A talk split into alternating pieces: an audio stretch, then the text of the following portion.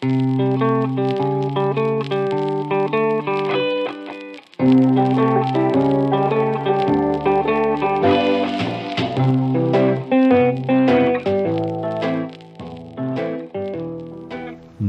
assalamualaikum warahmatullahi wabarakatuh. Waalaikumsalam warahmatullahi wabarakatuh. Oke, sekarang kita ada di episode perdana nih dari podcast naik kelas.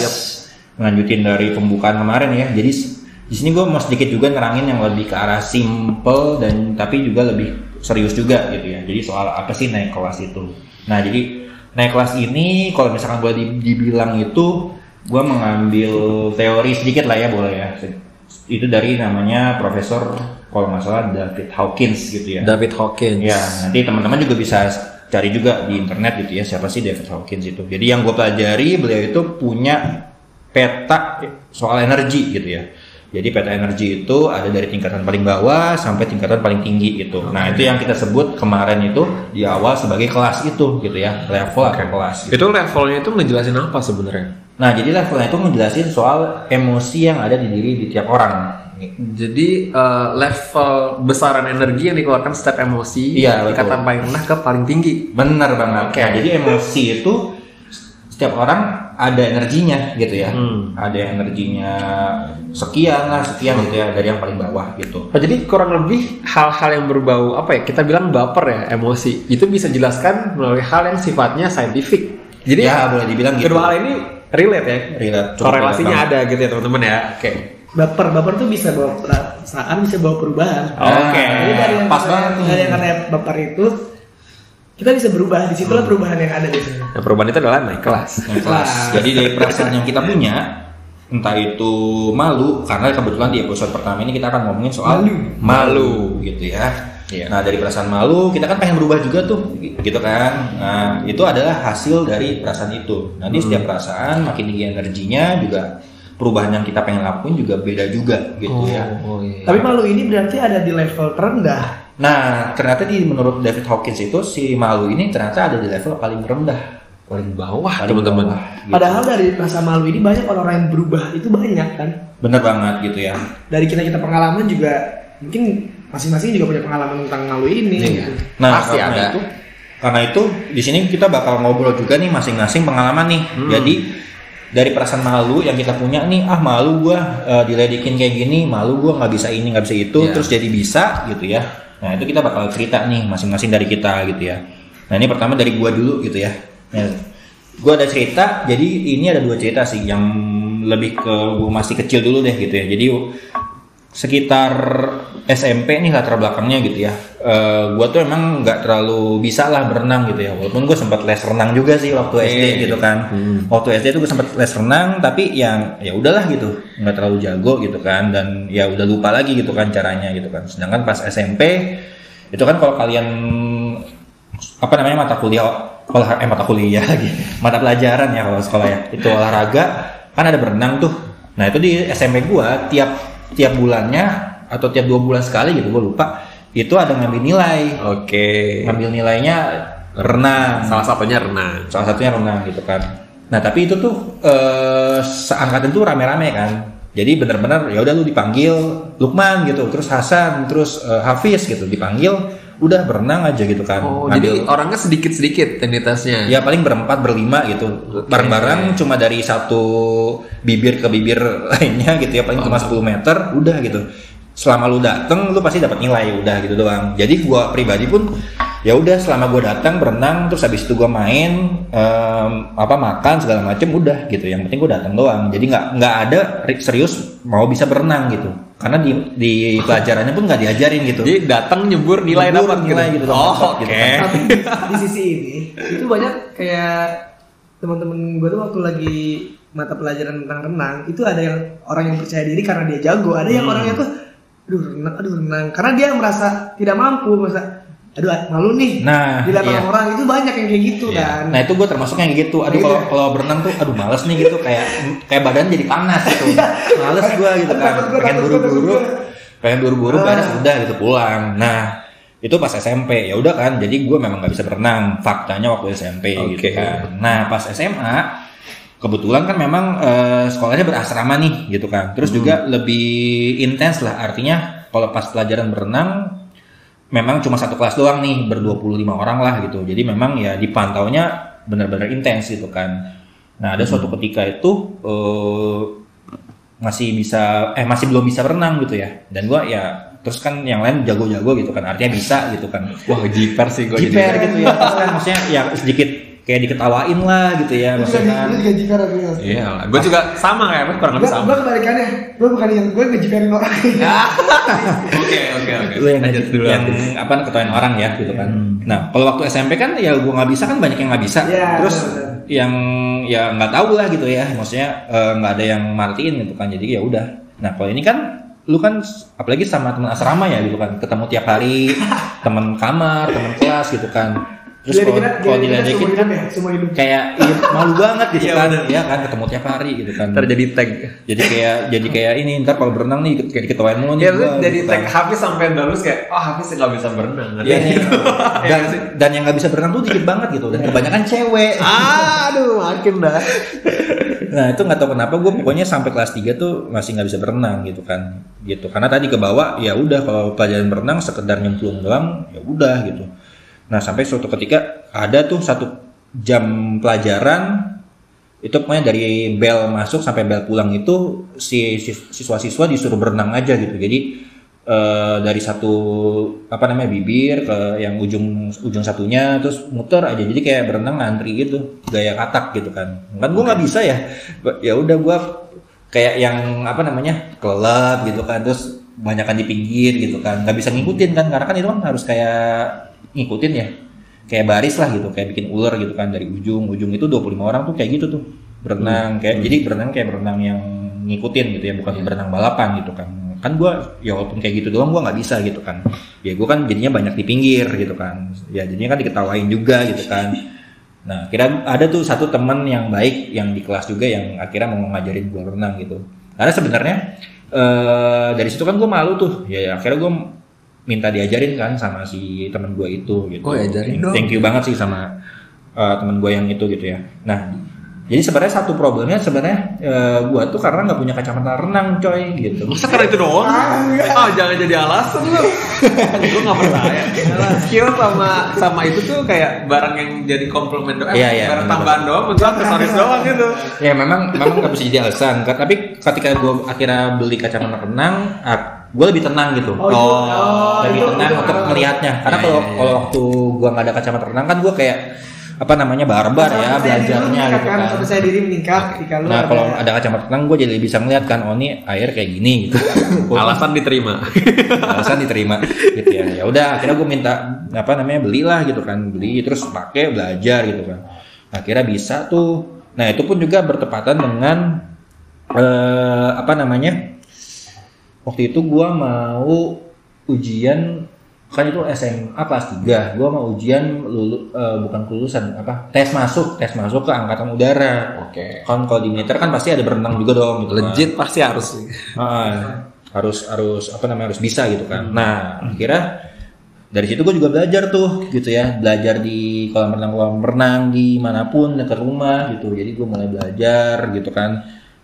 Targetnya cuma eh, 20 meter gitu. Jadi jadi yang jadi apa namanya finish gue tuh cuma 20 meter sebenarnya. Ya udah akhirnya dengan berbekal beberapa bulan dari itu gitu gue udah bisa berenang buat 20 meter itu aja minimal gitu akhirnya sampai akhirnya kan kita juga ya kebetulan kan satu jurusan nih kita di jurusan perikanan kan yang di mana juga ada mata kuliah soal berenang juga nih ya di ketika udah masuk ke mata kuliah itu gue jadi udah ada jadi orang yang udah bisa lah seenggaknya gitu berenang gitu kan jadi nggak nggak nggak nggak malu juga kayak dulu Iya. waktu SMA gitu dan dan enaknya juga di ketika kuliah ya jadi justru bisa ngajarin atau bantu teman-teman yang nggak bisa Iya. belum bisa renang juga kurang lebih kayak gitu nah itulah kisah gua gitu ya nah itu kisah yang kayak gitu juga mirip waktu SMA juga gua juga nggak bisa push up gitu ya jadi juga sama diledekin juga di teman-teman kamar itu tapi kalau push up tuh waktu kelas 1 terutama SMP. SMA SMA SMA lu kan bukan militer, semi militer. sini sini. Iya, makanya kan eh, pas mos mosnya itu kan tiga bulan. Jadi eh, apa namanya ada pembina jasmani dari militer. Itu militer, SMA militer mantap. Iya iya. Nah itu uh, harus harus bisa push up kan. Nah ada yang memang orang yang dari SMP-nya udah jago gitu kan. Jadi gue juga diajarin lah sama dia gitu. Sampai akhirnya ya bisa juga sih gitu. Minimal bisa push up lah 10, 20 gitu kan. Gitu. Nah itu cerita pertama gue. Nanti ada sih cerita kedua tapi kayaknya kita keliling dulu nih. Coba dari Hasan ada cerita nggak yang kayak gitu juga tuh? Kalau gue sih lebih ke masa kecil ya, jangan langsung masa besar karena gue di dulu itu emang pemalu, pemalu itu benar-benar pemalu dan baru sadarnya ketika ternyata rasa malu gue itu adanya sesuatu yang lebih mendominasi. Kan dulu gue anak kedua ya, ah, gue anak pertama, anak pertama perempuan itu kan dia lebih vokal, lebih lebih lebih dominasi lah. Nah itulah yang membuat gue pada akhirnya mau vokal pun tidak bisa, tidak berani dan sebagainya. Nah itu menembus batas itu loh. Kita merasa tidak berharga karena kita merasa bahwa kita tuh di bawah orang lain. Vokalnya nih kalau apa nih? Misalkan lagi Dominasi, dominasi. Jadi dia ketika kita mau cerita dia lebih Oh. seru. Jadi kita merasa bahwa nggak berharga. Anjir, gue gue nggak berharga banget ya. Oh jadi kayak lu, eh gue juga pernah sih. Iya, gue udah gitu. kayak ngerasa nggak penting kan di sini malu terus kita rasa, rasa nggak berharga kan. Nah ini menembus rasa ini loh, rasa rasa nggak berharga ini. Makanya waktu itu gue ngerasa bahwa kok gue gini mulu, gini mulu. Akhirnya gue keluar dari zona itu. Tapi itu maksudnya ketika eh, kakak lu tadi ya lebih dominan itu apakah cuma dalam ketika cerita-cerita aja atau misalkan contoh nih dalam nentuin eh, pilihan Urusan buat keluarga gitu ya. Pasti, itu mah pasti kan. Oh jadi selalu dia yang didengar gitu. Nah makanya gue tuh baru sadar ketika gue eh, keluar dari zona itu. Jadi gue ketika di itu dan itu terasa banget ya. Gue di rumah itu ketika menjadi adik dan ketika gue di, lu- di luar rumah sebagai orang yang bebas itu berbeda banget. Gitu. Oh, Oke paham. paham. Dan gue dan itu berproses banget ketika gue awalnya malu-malu, nggak berani. Terus akhirnya gue mencoba untuk memberanikan diri. Itu terbawa jadi ke semua segala hal tuh terbawa ketika gue eh, SD teman gue bisa renang ini bahas renang nih kalau bahas renang gue dari SD nggak dari SMA gue dari SD sombong. dari SD dari SD ini gue ngerasa kan gue tipikalnya bukan menunggu dominan orang pada bisa baru gue berusaha Hmm. karena gue malu enggak gue gue ada di titik ada sedikit yang bisa gue sedikit bisa gitu ngerti nggak Ya. nah gue dari di awal tuh teman-teman gue tuh jadi yang bisa renang SD itu hanya segelintir lah bisa dihitung jari Hmm. bisa renangnya bukan sekedar bisa bukan sekedar di satu meter yang nggak tenggelam tapi dia di tiga meter lempar koin nyelam gitu kan Buset. dan itu seru banget kan gue kok seru tapi gue nggak bisa gitu kan dan gue selalu berusaha sendiri. Kayak kayak gimana caranya gue bisa nih? Karena gue pengen gitu. Nah akhirnya gue bener-bener sendiri. Kayak gue di 3 meter tuh orang-orang udah pada jago gue cuma mau nyebrang doang nih. Nah di situlah titik pertama kali gue belajar sampai akhirnya berawal dari teman gue ngejailin gue memaksakan diri untuk bisa. Nah, jadi sama kayak jadi kayak kalau menurut gua dari rasa malu ini rasa kita tidak berharga itu bisa menjadi motivasi besar untuk kita menembus batas nah makanya ketika tadi dijelasin bahwa rasa malu ini aja itu adalah di batas paling bawah untuk perubahan Hmm. Kalau lu ibaratnya kalau misalkan lu malu aja kagak, lu nggak mungkin berubah gitu. nah iya lu pasti emang paling berdiam bawah diri terus. Ya, Nah. yang tadi di awal tuh kayak kalau gua nggak ngerasa gua ngeliat mereka bisa menang oh ya udahlah biarin aja ya, itu kita nggak akan bisa berubah nggak akan Ah, nggak akan benar. menembus batas itu loh itu batas terendah makanya ketika kayak eh, kita ngeliat temen kita bisa apa terus kita nggak merasa kita aduh kok nggak bisa ya itu tuh kita nggak akan bisa ber- berubah itu tuh akan sedikit banget peluang kita untuk berubah tuh akan sedikit Pasti pasti kayak gitu. kalau gue sih di situ makanya alhamdulillah sih gue ngerasa bahwa gue ngeliat orang ini gue merasa malu itu rasa malu ini dimunculkan untuk bahan dasar kita tuh pembakar tuh mantep banget pembakar tuh pembakar. di awal ya untuk berubah tuh perubahan. eh, ketika kita udah dirasa malu udah ada dasar kan ntar akan naik terus nih oh rasa malu nah, nah, nah. karena ini rasa paling level paling rendah Oh. semakin kita akan mudah berubah tapi kita karena ini levelnya gampang loh berubahnya itu gampang Oke. Jadi kalau Hmm. boleh gua tangkap ceritanya karena dari tadi yang soal keluarga lu tadi itu ya kakak lu itu tadi mungkin lebih di- apa namanya lebih dominan dalam ber- vokal dalam berbicara atau dalam memimpin kali ya di rumah sehingga kalau di rumah lu jadi ya udah sebagai adik yang lebih dengerin gitu ya. iya iya Tapi ketika lu misalkan kalau nggak salah lu juga kan SMP kan rantau ya, gue SMP ngerantau rantau gitu kan. Terus SMA gue jadi jadi lu ketika SMP itu pas lagi momen lu jauh sendiri dari ya lu bisa mengeluarkan eh, Men- kayak, ke- batas. kayak kepemimpinan lu itu kan gitu kan lu bisa mimpin akhirnya lu SMA juga jadi ketua osis gitu kan Iya, karena iya. mungkin dari diri tadi yang itu ya di awal dari motivasi tadi di awal ya, di awal motivasi banget itu di gitu awal ya. banget. Gue merasa malu di awal.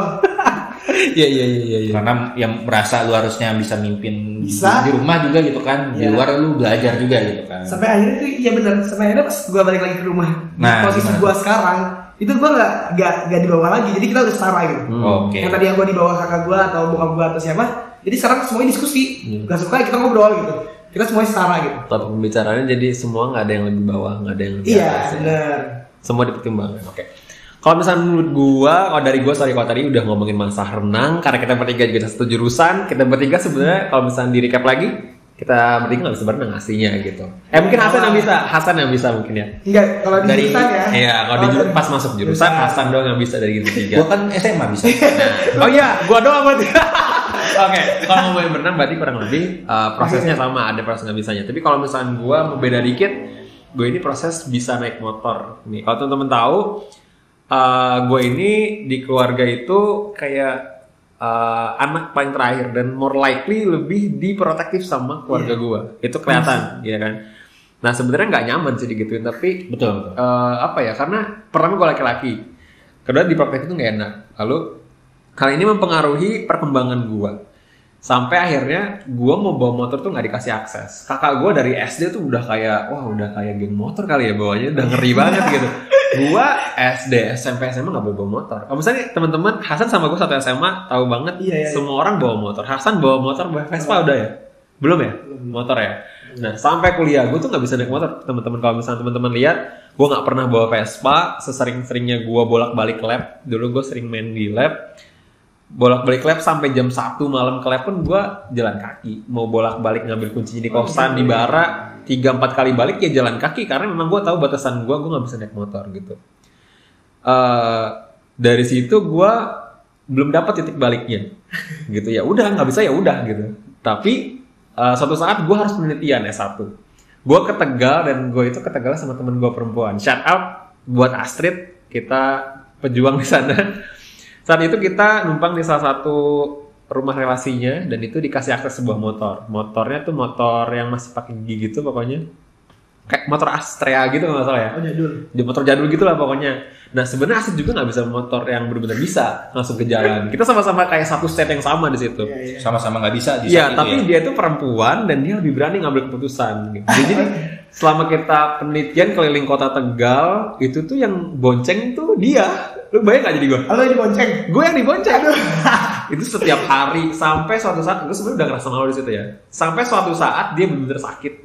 Dia kayak demam gitu, tapi dia paksain untuk jalan. Sampai ke puskesmasnya juga. Jadi kayak udah cheat jalannya tapi ya." maksudnya jalan Yang naik kaki. motor atau tetap naik motor gue tetap dibonceng lu sebenarnya enggak dia sakit. Dia sakit dia yang dia sakit dia, Dia dia bonceng gue dia dia bilang duh gue sebenarnya nggak pengen berangkat tapi kalau misalkan lu nggak dianterin kasihan lu gitu. Dia sampai mikir gitu. Gue kan jadi sebagai laki-laki harga diri gue sebenarnya harga diri gue tersakiti. Kebayang sih. nah dari rasa situ malunya di situ ya? Malu banget demi Allah malu banget. Dia bilang bahwa dia bilang kayak gitu akhirnya gue bilang ah yaudah cit nanti gue anterin ke puskesmas ya. Iya tapi tetap dia yang bawa itu kocak banget sampai sekarang gue selalu uh, inget cerita itu. Sampai akhirnya uh, dia sembuh lagi dan di motor tuh kita ketawa-tawa dan dia bilang satu line yang gak pernah gue lupain. Dia cuma ngomong makanya ngerti kan sekarang pentingnya bisa naik motor dari situ tuh kayak oh iya iya gitu. Pas nyampe di Bogor nggak tahu kenapa kayaknya semesta itu kayak Tuhan lewat semesta memberikan gua akses untuk bisa belajar motor. Uh, awalnya gue punya temen di lab juga yang ngasih tiba-tiba uh, motornya dia kayak, nih lu bawa motor gue, gue pengen lihat lu bawa gitu.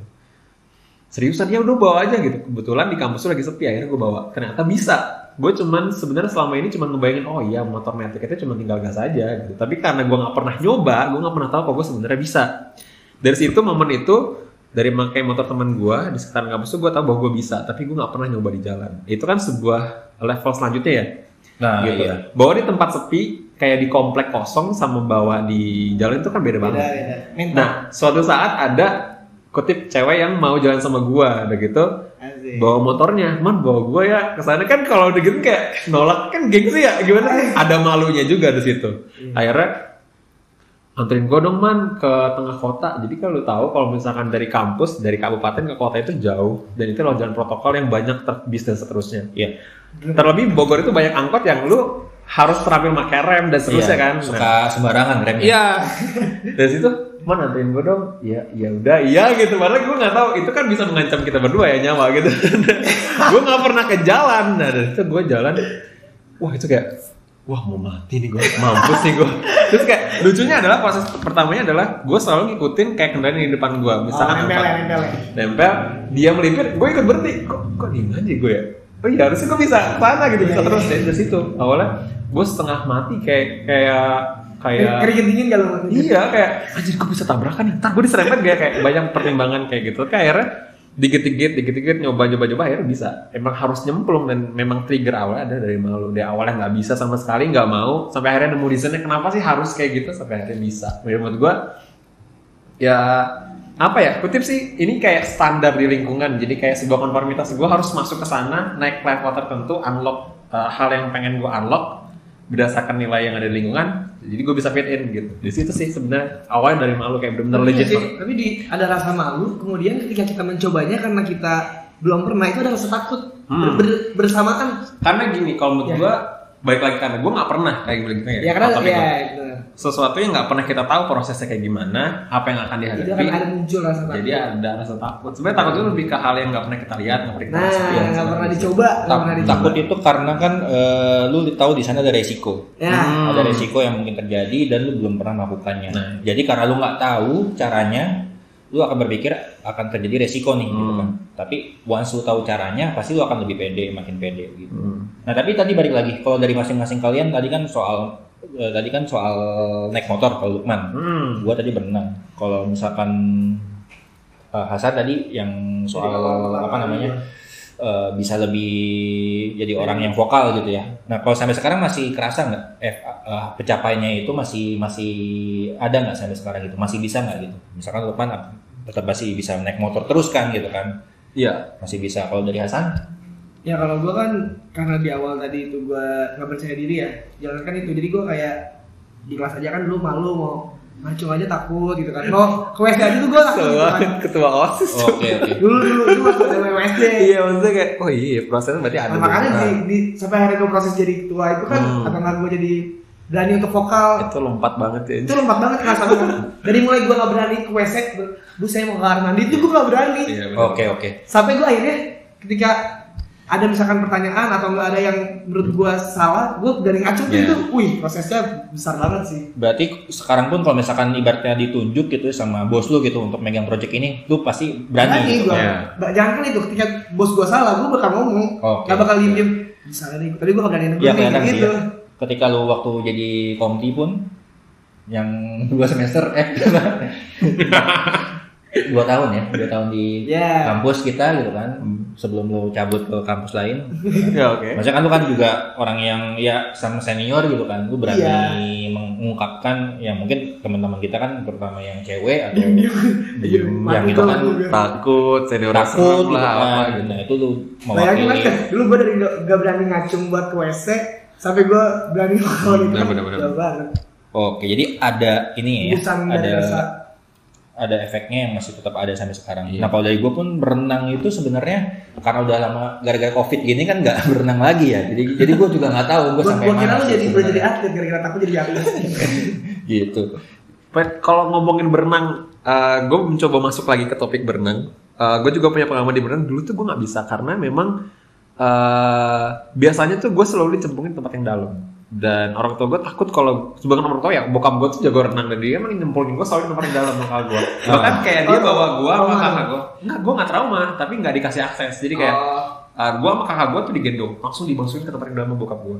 Kalau bokap gue juga mungkin agak gila juga ya ngajarinnya begitu gitu. Karena lo kamu udah jago. Nah, bokap gue kan udah jago. Iya. Gue sama kakak gue masih kecil belum tahu berenang. Nah, yang yang khawatir tuh nyokap gue. Jadi sampai sampai akhirnya gue kuliah tuh nggak bisa berenang. Sampai nemu reasonnya, Diprotek ya. hmm, akhirnya pas nemu reasonnya, oke berarti harus bisa berenang. Nah, gue tapi nggak tahu caranya gimana gitu. yang lihat teman-temannya "Oh, mulai bisa kok gue nggak bisa. Ntar gue nggak bisa sendiri gimana? Teman-teman kuliah tuh teman-teman kuliah. Betul, bisa kan ada mata kuliahnya harus bisa bahkan Berenang. bisa apnea bisa nyelam gitu kan ya. Iya, jangan dia- kan berenang nyelam aja jangan kan nyelam kan berenangnya aja yang basic nggak bisa gitu kan. Jadi itu kan another another advanced skill gitu. Tapi gue yang basic aja nggak bisa. Jadi kayak gue harus bisa nih. Kalau enggak kayak ya udah gue mati sendiri. Nilainya gimana? Belum lagi ospek itu kan ada bagian yang bener-bener kayak lu dicemplungin di tempat dalam dan nggak boleh ada yang nolongin itu gitu. parah itu dan itu gue inget banget ya itu senior tuh di samping semua kolam ketika lu mau nyentuh kolam tuh lu diteriak-teriakin ditendangin lu, pe- lu mental. pegangan tangan tuh dilepas nggak Iya, boleh. wah. karena memang memang dipaksa supaya lu bisa bertahan sebenarnya di, di dalam air. Karena kita menjurusannya memang sudah Iya. bidangnya itu. Dari situ gue berusaha untuk gak ngomong karena malu balik lagi. Gue nggak mau ngomong kalau gue nggak bisa tapi gue ngeliatin teman-teman yang lagi latihan. Jadi waktu itu berenang langsung di tempat yang 3 meter. Jadi gue ngeliatin ada sebuah pasangan yang sekarang sudah menikah. Syata tuh Guma dan Ana? Mereka itu lagi saling mengajarkan berenang. Nah terus uh, si teman kita namanya Gema ini si laki-laki ini mengajarkan kepada pasangannya bahwa ya udah kamu coba aja nyelam gitu. Tapi jangan takut. Udah uh, kamu berdiri aja terus lompat. Nanti sedikit-sedikit badannya naik sendiri jangan gerak gitu. Gue karena gue malu gue nggak bisa ya gue coba coba mengambil ilmunya tanpa ketahuan kalau gue lagi nguping. Udah situ gue diem gue agak ngejauh ya gue lompat gitu diem. Ternyata benar dari situ gue tahu oh ini loh cara menghadapi resikonya yang tadi dibilang sama Hafiz. Jadi dari situ gue tahu oh caranya bertahan di air tuh kayak gini kalau gue tahu bertahannya berarti gue udah bisa melakukan teknik-teknik selanjutnya yang lebih advance dari situ lama-lama gue bisa berenang bisa apnea dapat nilai bahkan nilai gue di mata kuliah yang uh, apa sih namanya metode observasi bawah air nggak salah ya Ya itulah. gue dapat dapat A kalau nggak salah dan bahkan Wih. sampai sekarang gue ngambil sertifikasi Diving selam. ya? diving tahun depan uh, bakal ke Pulau Seribu jadi kayak menurut gue kayak semua tuh bertahap gitu loh. Dan awalnya pasti ada trigger salah satu triggernya Iya, adalah trigger uh, apa ya value lo di lingkungan. Dan itu ngebuat lo jadi malu dan harus mencapai target yang sama kurang lebih kayak gitu sih. Tapi kalau yang gue lihat ya dari misalkan lu malu itu gak sembarangan langsung bisa. Tapi di Hmm. situ ada proses namanya ilmu sama amal. Iya. ngerti gak? Nah, tapi di sebelum itu sebelum masuk ilmu amal tuh ada namanya adab. Jadi kita tuh berproses. Adab itu buat apa sih? Karena kita akan belajar. Ya Ber- berguru dulu baru kita akan masuk ke tahap mencari tahu yang membuat kita lebih percaya diri. Ya kayak kalau kita nggak berharga terus saya takut nyari ilmunya gimana caranya percaya diri akhirnya kita bisa. Prosesnya di situ sih Iya sih. sebenarnya jadi itu berdampingan ya? Berdampingan.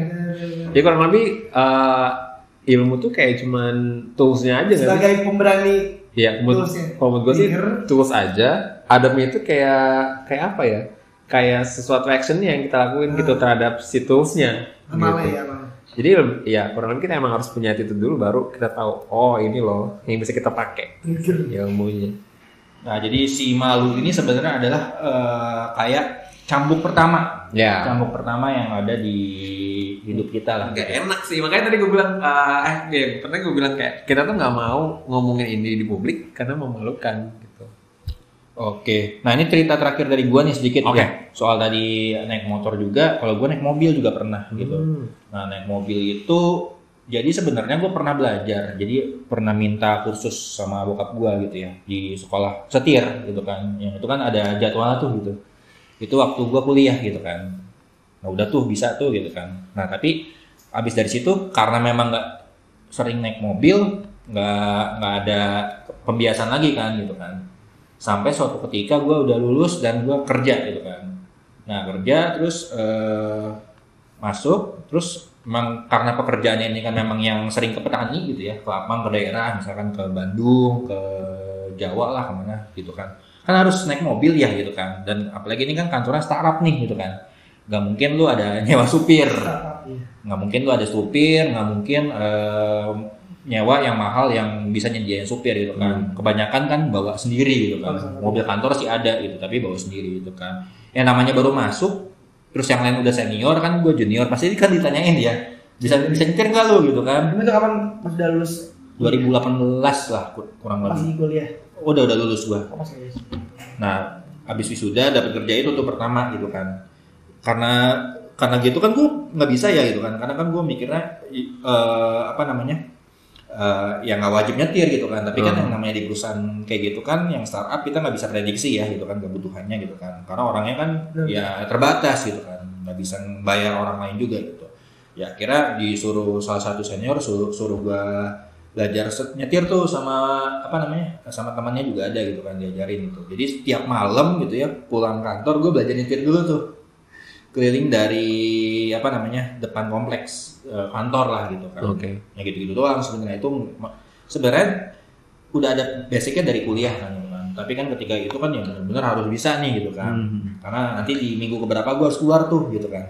Bertiga gitu kan. Berarti. maksudnya kan walaupun ada yang bisa nyetir yang lain tapi kan kasihan dong gitu kan. Nggak bisa kan, gantian lah. Iya. masa eh, kita enak-enakan disupirin gitu kan. Ya kan nggak enak juga gitu kan. Malu lah saja gitu kan. Malu lah gitu kan. Lu masa nggak nyetir gitu kan. Eh, apa namanya apalagi di- dia kan senior juga gitu kan. Lebih tua lah gitu kan. Akhirnya bisa lah gitu. Akhirnya eh, dalam beberapa minggu sampai akhirnya di hari di hari pergi tuh langsung bawa gua dari Jakarta sampai Serang. Subuh subuh gitu. Oh, pertama nih? pertama kali ya hold buttonnya di situ. Karena yang yang satunya capek gitu ya ngantuk ya udah mau nggak mau gue bawa tuh gitu. Dan itu bawanya juga langsung kopling tuh. Dari Jakarta sampai tingkat tinggi cuy topling tuh. Jakarta sampai Serang ya. Tapi kan ganti gantian juga gitu kan.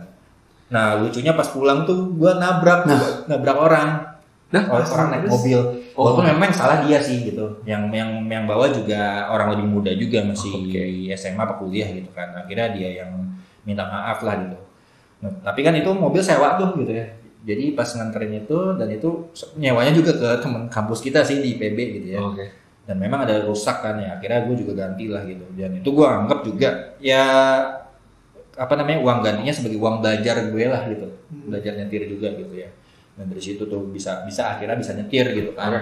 minimal bisa lah bawa mobil kan yang kopling ya metik kan gampang ya gitu kan yang penting sebenarnya kalau nyetir tuh kan insting lo gitu kan Hmm. Nah tapi yang tadi gue pengen sampein ya soal tadi ya kalau misalkan lu di ada rasa malu gitu ya itu udah basic banget lu harus berubah diri lu lah gitu, gitu kan makanya kan kita sering denger ya nggak tau malu gitu kan Kalau orang nggak tau malu kan nggak mau berubah gitu kan Hmm. diam diam aja gitu kan atau segala macam yang ya dia nggak mau berproses gitu gitu Tapi enggak kayak enggak malu tuh malu malu aja Eh, bisa jadi tergantung Bisa jadi konteks juga, ya. Tapi kalau gue lihat lagi dari semua konteks eh, apa topiknya itu pasti ada pertanyaan yang sama ya. Kok nggak bisa sih gitu? Iya. Kok nggak bisa sih gitu? Sesimpel itu akhirnya jadi bentuk perubahan. selalu ada lu nggak bisa ini nggak malu sama itu gitu Nah, benar. akhirnya kita juga merasa iya guilty ya feeling guilty gitu merasa nggak merasa nggak berharga tadi gitu kan kata Hasan. Aduh gua kok nggak berguna banget gitu kan. Tadi kan yang gua juga sempat cerita gua nggak guna banget kalau misalkan nggak bisa nyetir gitu kan. Kasihan kan yang lain gitu. Oke jadi itu topik pertama kita tuh soal malu gitu. Dan kenapa sih kita taruh ini di awal ya si malu ini gitu? Karena memang tadi kita juga sempat ada sedikit-sedikit udah nyerempet ya kalau malu ini level yang paling bawah ya benar kan? Di triggernya. Jadi itu benar-benar level paling bawah dari sebuah perubahan Hmm, gitu. Jadi kalaupun kalau kalau nggak malu aja gitu kan, ya nggak mungkin berubah gitu. nggak ada keinginan Nggak ada keinginan berubah lah diri, ya, buat berubah udah. diri gitu. cukup Jadi lah dia merasa cukup gitu lah Merasa cukup, lah udah gitu. Gak apa dia aja bisa renang Oh itu itu ngeri banget sumpah. Nah itu mungkin eh, nanti next time-nya ada juga kita bahas soal itu juga gitu kan. Karena kan kita mungkin dalam hidup ini bisa sesuatu, tapi ada juga hal-hal lain yang kita belum bisa juga gitu kan. Nah nanti kita coba kupas lagi kapan-kapan ya soal hal itu juga gitu. Boleh, Sampai boleh. sekarang misalkan belum bisa apa, kenapa gitu kan. Mungkin ada hubungan juga dengan ini gitu kan. Nah tadi tuh malu itu salah satu level energi gitu ya, yang mem- memecut kita untuk melakukan sesuatu gitu kan pertama. Nah tapi memang yang gue alamin juga malu ini sebagai pemecut perubahan adalah yang level paling rendah itu juga efeknya kepada perubahannya juga nggak berlangsung lama biasanya Nggak gitu ya. berlangsung lama. Yang contohnya kejadian sama gue juga ketika renang gitu ya. Setelah udah bisa renang, Oke. karena cuma ma- sekedar malu doang, ya sekarang pun nggak memperbaiki skill renangnya, Ya, nggak betul. menambah kemampuannya juga nggak masalah. Ah. Jadi nggak ada penyat apa pemecut yang lebih tingginya lagi gitu. Hmm. Nah sekedar orang ya itu sekedar sekedar menghilangkan rasa malu. sekedar menghilangkan doang udah kayak gitu. Contoh nih misalkan kayak orang yang sekarang apa ya, ya dah contohnya kerja atau lulus kuliah gitu. Lu ditanyakan, lu eh, apa namanya kerja kenapa gitu kan bagus kerjanya enggak gue mah kerja ini biar nggak dikira pengangguran aja, biar nggak malu aja gitu keluarga, biar nggak Penggugur malu kewajiban deh. Ya, biar nggak malu doang, biar gugurin kewajiban doang gitu kan. Nah, itu kan juga sering kita dengar kayak gitu. Nah, itu pasti kalau kayak gitu alasannya memang benar gitu meng- mengakibatkan perubahan, tapi kebanyakan nggak bertahan lama gitu. Nah, Jelas, jelas. Nah makanya nanti di next episode kita juga eh, selain bahas soal malu, kita juga bahas nanti soal energi-energi lain yang bisa meng- mengakibatkan perubahan yang berdampaknya lebih Besar. besar, gitu ya. paling lebih kecil. sustain dan juga lebih eh, kuat juga gitu. Dari yang paling rendah dulu nih nanti kita Iya. naik lagi nih lebih kuat Yap. sampai kita akhirnya perubahannya itu paten. Ya. Sampai paten, sampai yang tadi soal renang contohnya, sampai yang di kondisi ya gue harus renangnya begini gitu, Nah, nggak cuma sekedar gue bisa renang aja. ya Nah, bisa renang aja gitu. Nah itu juga berlaku kepada pencapaian yang lain juga. Nanti kita akan bahas level yang lebih tinggi lagi. Alright. Oke, eh, Nice. gua rasa cukup sih pembahasan kali ini gitu ya. Nah kalian yang dengerin ini ya, kira-kira ada malu apa gitu ya, yang mengakibatkan kalian merasa nggak berguna gitu ya, terus kalian akhirnya bisa berubah gitu ya. Coba sama-sama kita sih di, di sini mengajak untuk ya sama-sama kita bercermin kepada diri kita lagi masing-masing gitu di masa lalu kita kayak gimana gitu. Oke, gua rasa cukup. Thank you banget udah mendengarkan eh, podcast kita yang ya masih jauh dari sempurna ini. Kita ketemu lagi di next podcast di episode berikutnya. Assalamualaikum warahmatullahi wabarakatuh. Waalaikumsalam warahmatullahi wabarakatuh.